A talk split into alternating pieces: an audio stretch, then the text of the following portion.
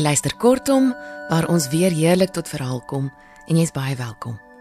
Ons gaan vanaand luister na 'n kort verhaal deur Dani Botha wat Nick die Jager gaan voorlees. Ek het hierdie storie soos laasweek sin gekry in 'n lieflike boek wat Tafelberg in 1990 uitgegee het. Vrede op aarde, 'n Kersboek, byeengebring deur Linda Rode. So vanaand dan nog 'n verhaal in verwagting van Kersfees. En Nick lees Die Wou Wou Kersfees deur Dani Botha. Geniet dit.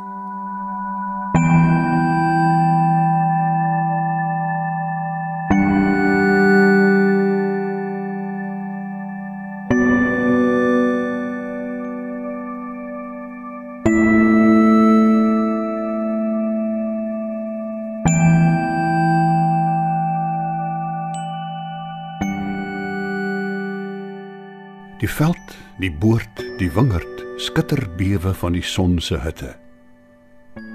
In die hoë bloekombome hou die geskree van die sonbesies aan en aan.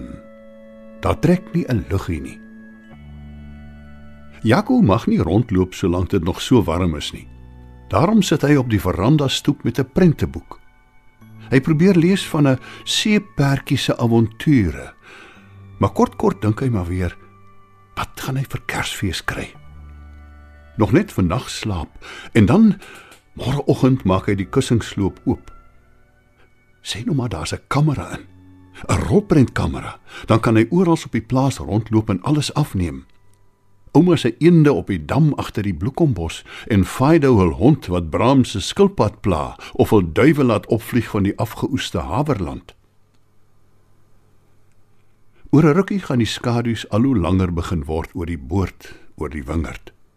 Dan gaan die beeste stal toe kom en pa hulle gaan begin melk. Daarna kom die maan op agter die ver berge. Dit klim en klim en skuif later deur die donker lug. Dit gaan nag word oor die veld, net soos daardie nag toe Jesus gebore is. Sodra dit heeltemal nag is, kom almal bymekaar by die kersboom in die sitkamer. Nie net Jaco hulle nie.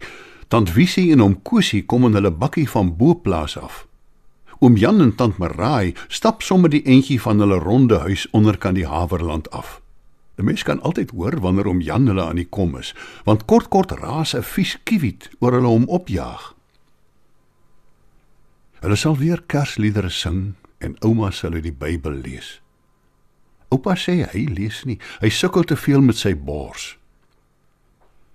Daarna sal dit slaaptyd vir Jaco, Bram en Dria word. 'n Hele nag wat hulle moet omslaap.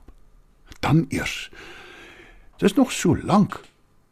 Sal hy nie maar van ma gaan vra nie? Miskien, miskien sal sy sê wat hy gaan kry. Sy sal seker in die kombuis wees. Dis skemerig in die huis. Ma hou die gordyne toe vir koelte. Daar in die hoek van die sitkamer staan die kersboom. Dis 'n sipresboomtak in 'n parafienblik. Hier op brandwag is daar nie dennebome nie. Andrei, hul neef wat op die dorp woon, kry sy geskenke onder 'n slap denneboom.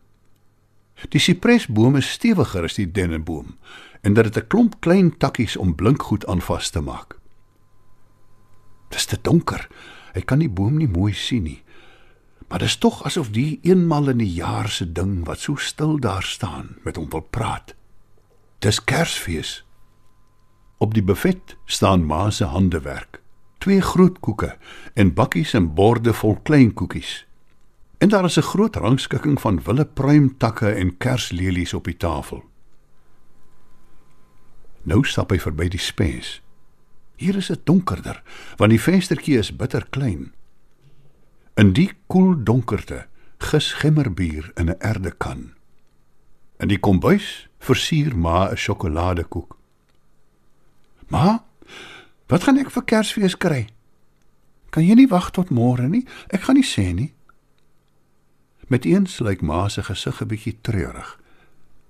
My kind moet tog nie te groot drome droom nie. As ons maar net die geld gehad het, het ek vir julle gekoop net wat julle harte begeer. Elke jaar praat ma so van die min geld. Maar elke Kersfees is daar tog iets in die sloop.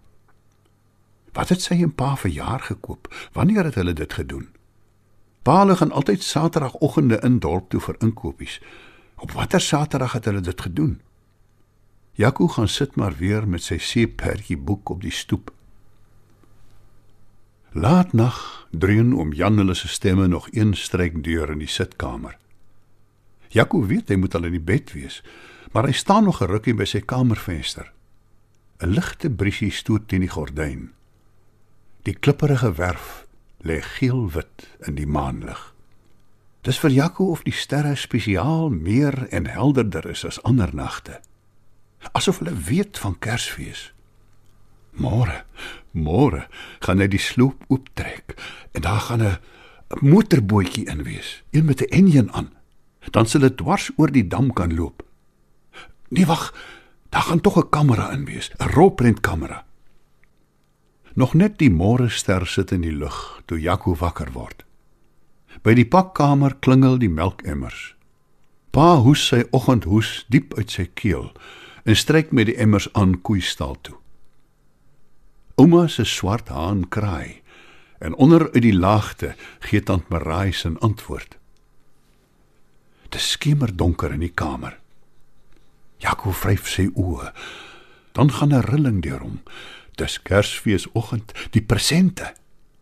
Bram en Dria slaap nog. Jaco kan nie meer wag nie. Hy skop die komberse af en val val na die kussingsloop.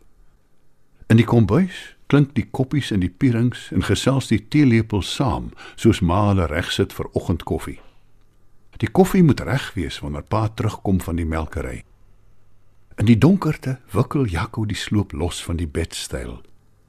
Hy steek sy hand in Hy vat 'n kartondoos raak en haal dit uit. Hy sien 'n prentjie op die doos. Hy weet wat in die doos is. Dit is nie 'n motorboot of 'n rolprentkamera nie. Hy neem die doos venster toe om beter te kan sien, om seker te maak. Sy keel trek toe. Dis nie waar nie. Dit moenie waar wees nie.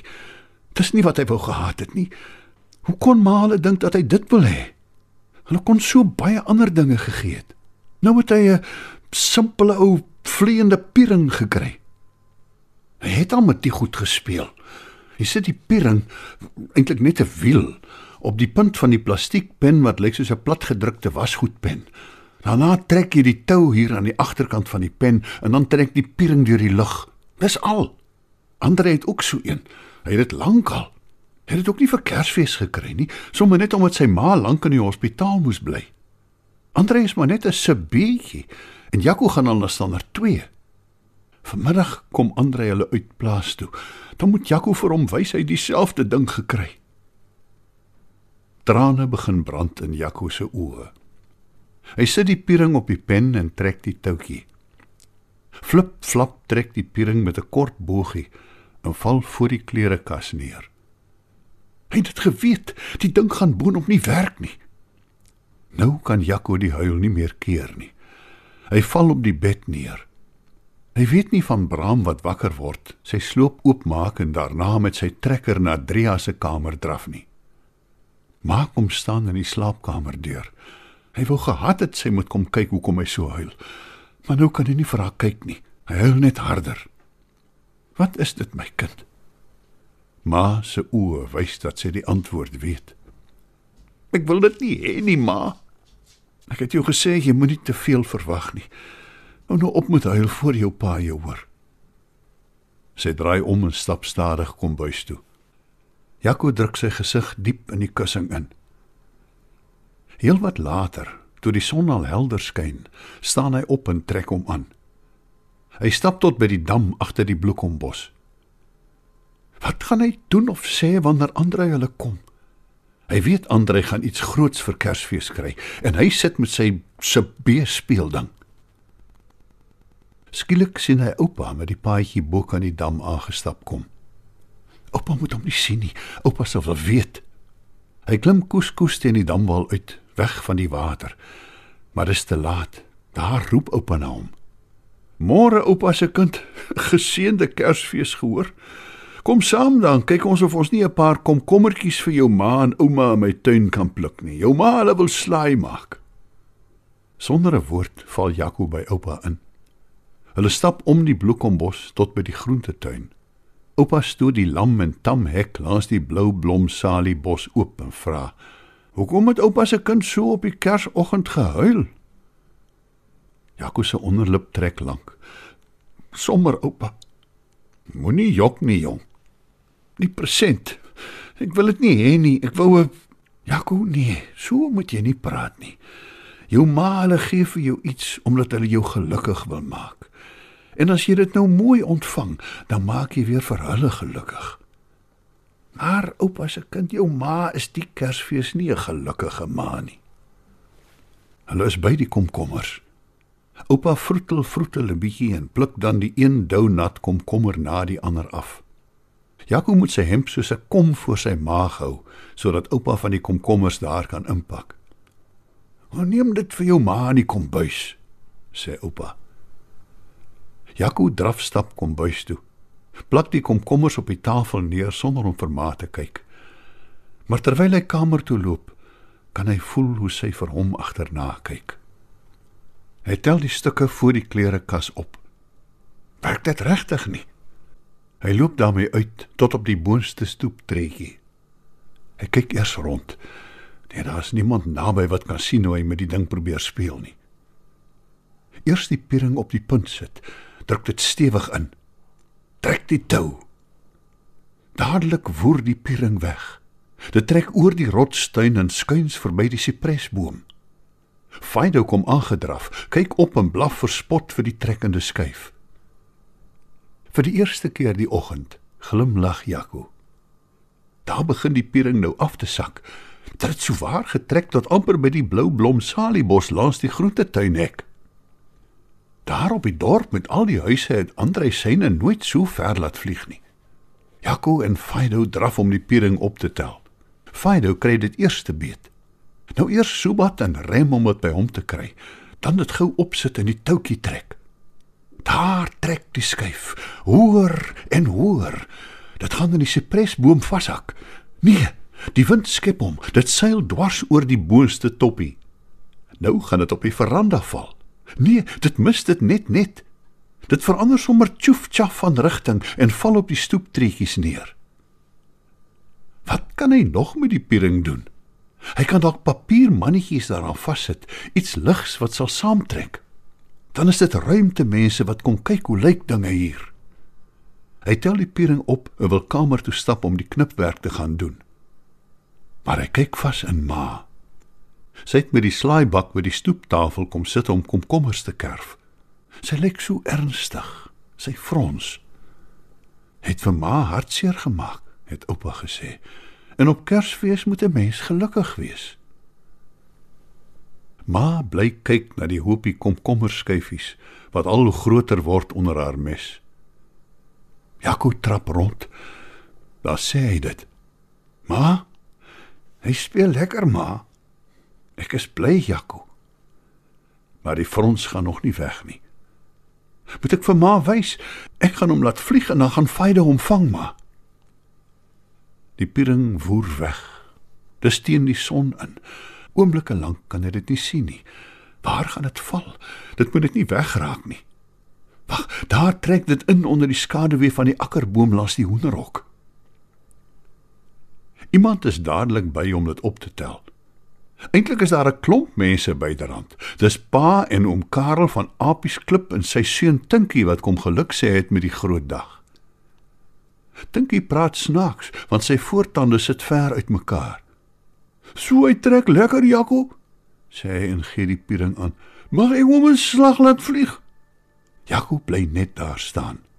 Tinkie wil met die piering speel en Tinkie gaan al na standaard 4. Jaco druk die piering in Tinkie se hande. Ja, kom ons kyk wie kan hom die verste laat trek. Hy kyk om stoep toe. sien maar. Sy staan by pa en hom Karel en gesels en sy glimlag. Daar kyk sy nou af na Jaco en Tinkie, sy wyf vir Tinkie. Wanneer sy saam met pa en hom Karel wil instap by die huis, skree Jaco: "Kom kyk maar, ek en Tinkie gaan beurte maak." Maar kom met die treetjies af tot by hulle. "Ja, toe, laat ek sien. Jy eerste net, Tinkie." Terwyl Tinkie in die lug rondmik met die piering, sit ma haar arm om Jaco en trek hom vas teen haar. Tinkie gee 'n effense plukkie in die tou en die piering roer nie eers nie. Jaco lag. "Wag, laat ek jou wys," sê hy en vat dit vinnig by Tinkie. Ma en Tinkie staan agteruit toe hy die regte pluk gee en die piering opwoer. Dit gly oor die top van die sipresboom, skuins verby die soldervenster en klim boontoe oor die afgeoeste haverland. Jaco tol in die ronde. "Kom Tinkie!" skree hy en spring weg, sy oë net op die piering. "Ons gaan hom haal. Hy het nog nooit so ver getrek nie." Toe hardloop hy skoon onder Tinkie uit. Al hoër trek die piering, asof dit mik vir die kruin van die naby berg.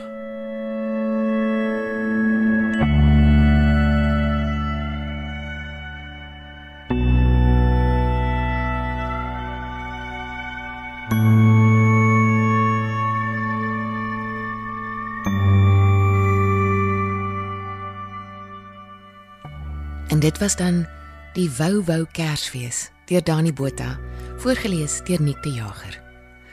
'n Geseënde Kerstyd vir jou en 'n mooi aand. Tot volgende keer.